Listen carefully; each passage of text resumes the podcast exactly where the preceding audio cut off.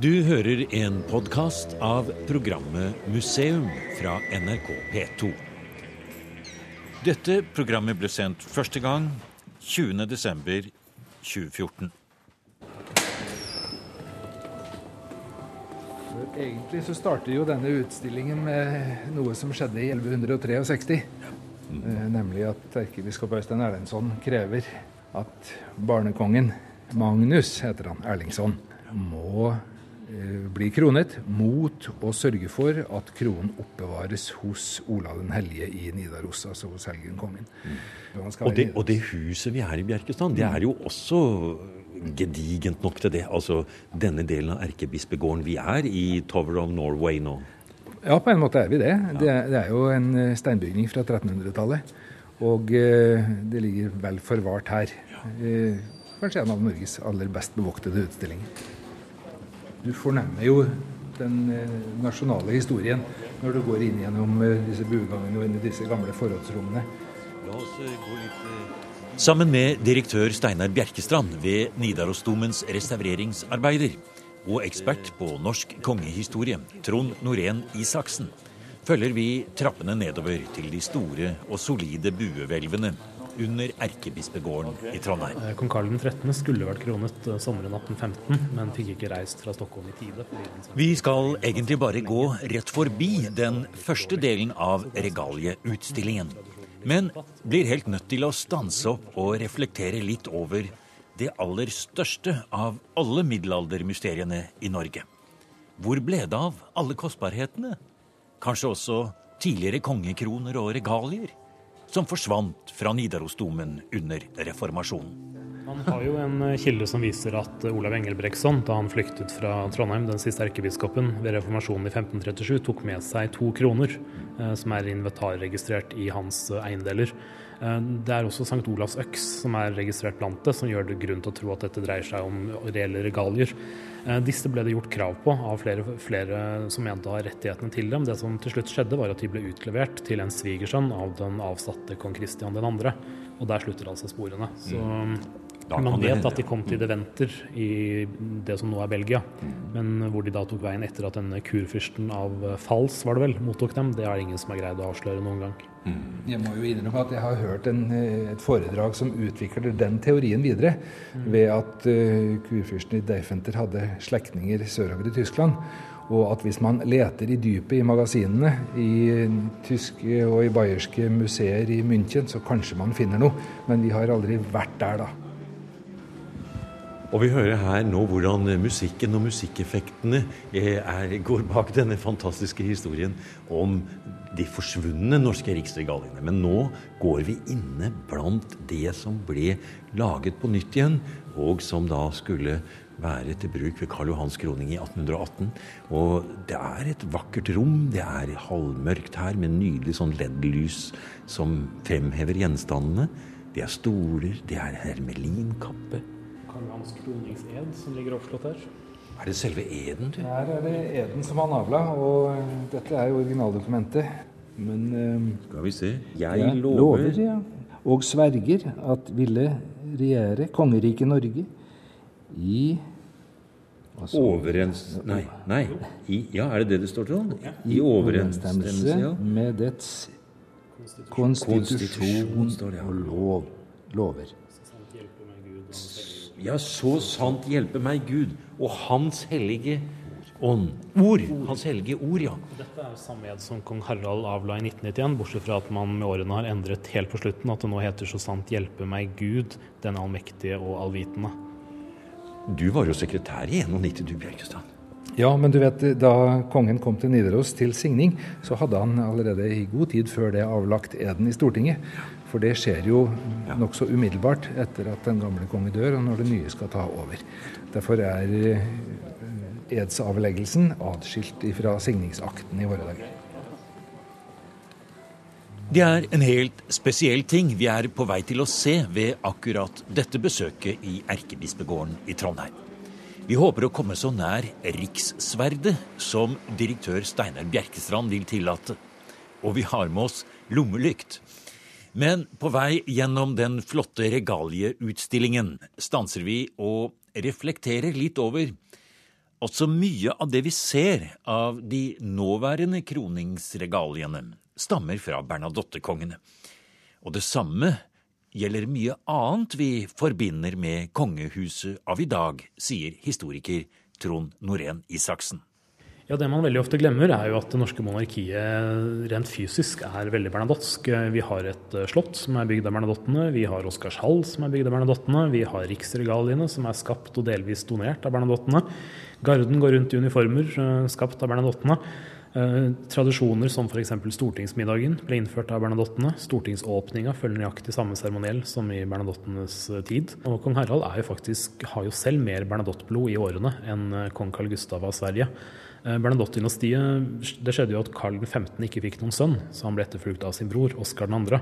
Og kong Carl Gustav stammer da kun fra kong Oskar 2. Men kong Harald stammer altså gjennom kong Haakons mor eh, fra Karl 15. og gjennom kronprinsesse Märtha fra Oskar 2. Og dermed så er altså kong Harald etterkommer av alle de fire Bernadotte-unionskongene, mens kong Carl Gustav bare stammer fra tre av dem. Så det er mer Bernadotte på Slottet i Oslo enn i Stockholm, kan man si, hvis man vil sette det på spissen. Og etter dette finjusterte regnestykket over det kongelige slektstre blir det jo nesten enda mer interessant å komme fram til den ene gjenstanden i riksregaliene som mer enn noe annet forteller om bernadottenes herkomst, og som også er den eneste av regaliene Karl Johan hadde med seg fra sin personlige historie. Vi blir med historiker Trond Norén Isaksen og direktør Steinar Bjerkestrand ved Nidarosdomens restaureringsarbeider videre innover i Riksregalieutstillingen i Erkebispegården. Her, nå er vi inne i det han har sagt. Nå er vi inne i det som er det innerste og mest sentrale rommet, og kanskje også det vakreste rommet i denne riksregaliesamlingen, hvor vi passerer kongebannere for Håkon 7. fra kroningen i 1906. Og rett i front så går vi nå mot selve kongekronen og det øvrige utstyret. Ja. Men i en egen monter her så ja. har vi et uh, veldig spennende objekt som jeg vet du er på jakt etter. Ja, for det er det vi har kommet for å se på her nå. Det er rikssverdet. Og Trond Norén Isaksen, det vi står og ser på her, som kanskje ikke blir så vektlagt bestandig, for det er jo kronen, og det er kappen, det er stolen, det er eden og alt dette andre. Men dette sverdet som vi står og ser på her nå, det er så tungt av symbolverdi at det kanskje står i en hel klasse for seg. Jeg synes vel kanskje at riksverdet rikssverdet er uh, det mest interessante av regaliene. Nettopp fordi at dette er uh, det eneste som har også en personlig dimensjon.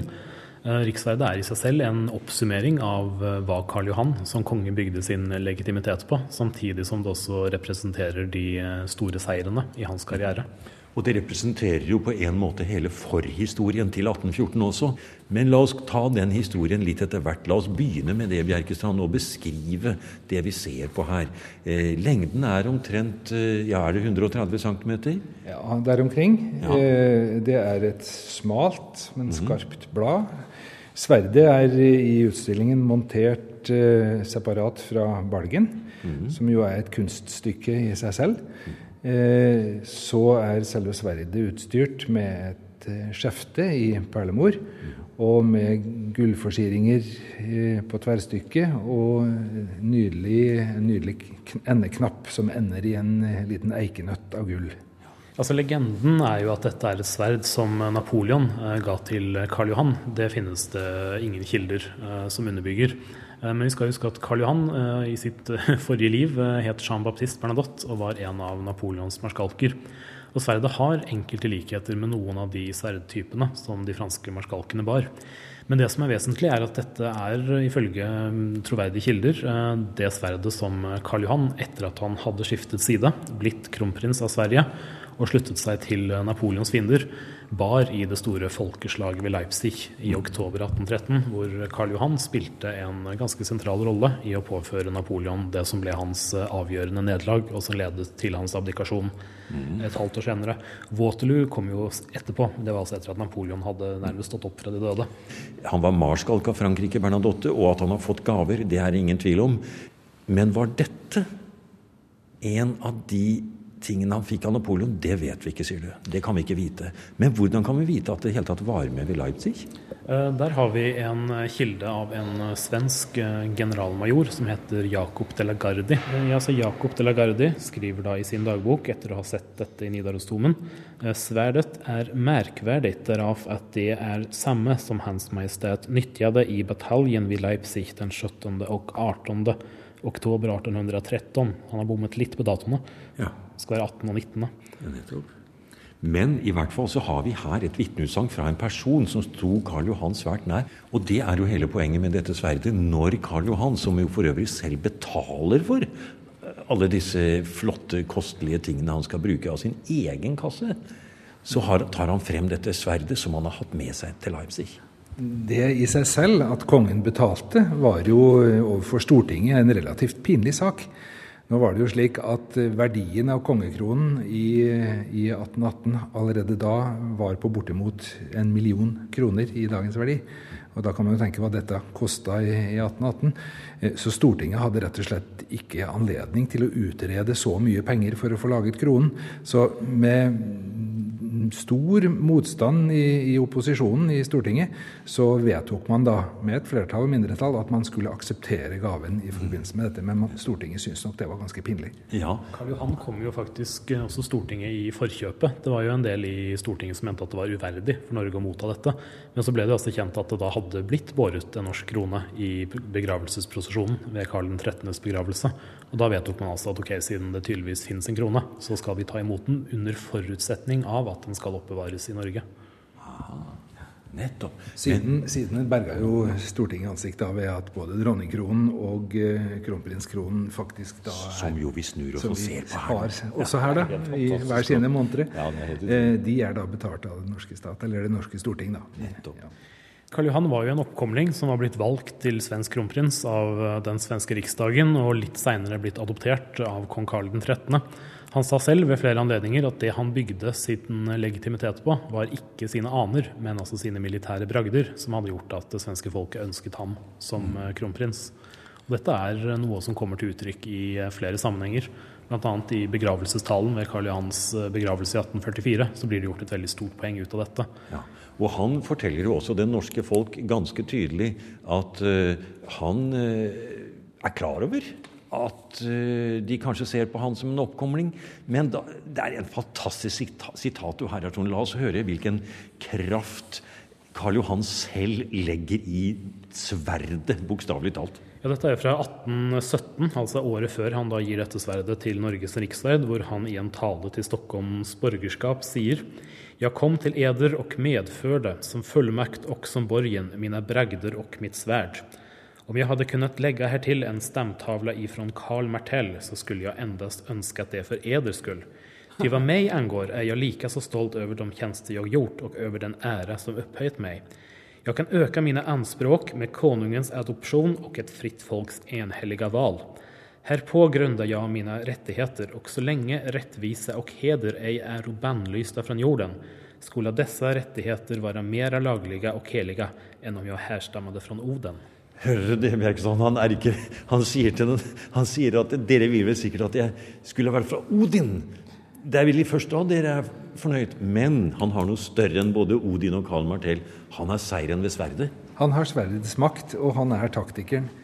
Og taktiker, politiker og en som kunne manøvrere mellom Europas stormakter. Det var i hvert fall Karl Johan.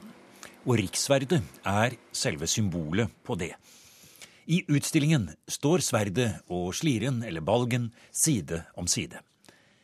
Men under kroningen i Nidarosdomen i 1818, da Karl Johan var seierherre og triumfator, da var det vel bare sverdet med perlemorshåndtak trygt i sin slire publikum fikk se. Man trakk vel ikke sverdet og viste blankt under selve kroningen? Jo, det var det. var det, det? Eh, man ga altså Sverdet ble overrakt eh, kongen eh, i sin slire. Men fordi, så vidt jeg har forstått, men fordi kongen jo bare hadde to hender, så måtte han altså bære eh, septeret og eplehendene. Så en arméministeren, når kongen da gikk ned fra oktogonen og videre i kroningsprosesjonen tilbake til stiftsgården, så bar arméministeren sverdet blottet og høyt hevet like bak kongen, som da symbol på kongens uh, autoritet. Ja, for det, å bruke sverdet i seremoniell sammenheng, det er det også historie for i norsk kroningshistorie tidligere. Med, jeg vet du har eh, skrevet om dette med å rette sverdet mot alle fire verdenshjørner osv. Ja, så det er grunn til å tro at et sverd var blant regaliene allerede da Magnus Erlingsson Eriksson ble kronet som den første i Norge i 1164. Men eh, man vet også at sverd den gangen rangerte som det, som det viktigste av regaliene. Altså viktigere enn krona, helt fram til 1500-tallet. Det er først da krona blir viktigere.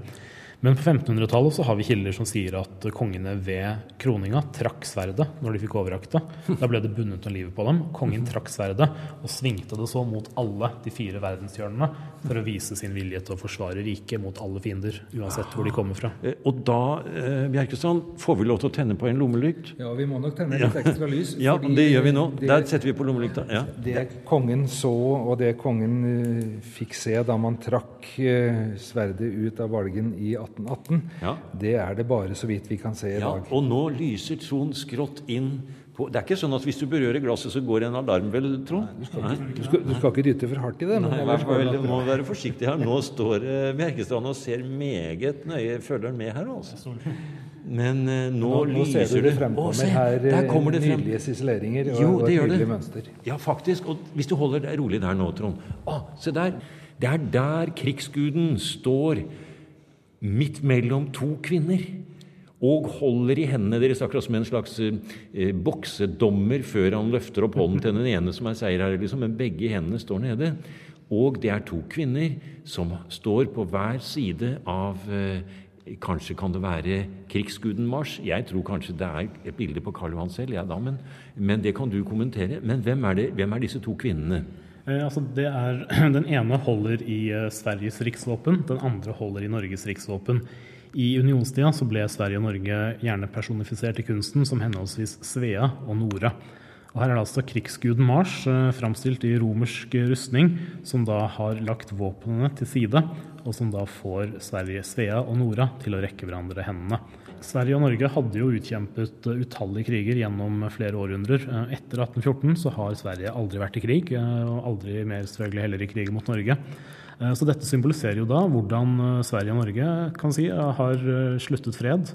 Det kan også oppfattes som en mer direkte hentydning til det at Sverige og Norge ble forent gjennom altså Mossekonvensjonen, våpenhvileavtalen, i 1814. Så det kan tolkes både spesifikt på Mossekonvensjonen og også generelt som slutten på de mange krigene. Det kan da ikke være noe tvil om at dette har en dyp eh, symbolikk på nettopp den politikken som da Karl Johan så tydelig har sagt at han arbeider frem mot, og han har holdt på med helt siden Leipzig.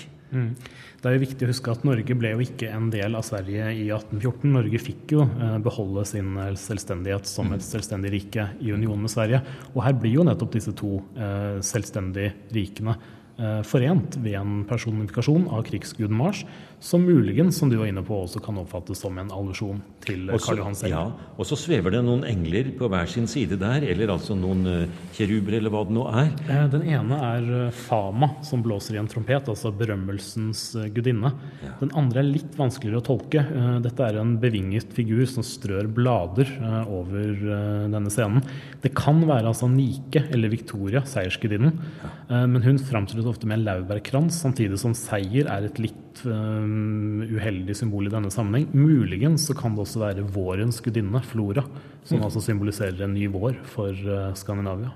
Vi skal eh, snakke litt mer om disse symbolene som nå trer frem for oss som om det skulle vært Tutankhamons grav vi åpnet og lyser på på første gang.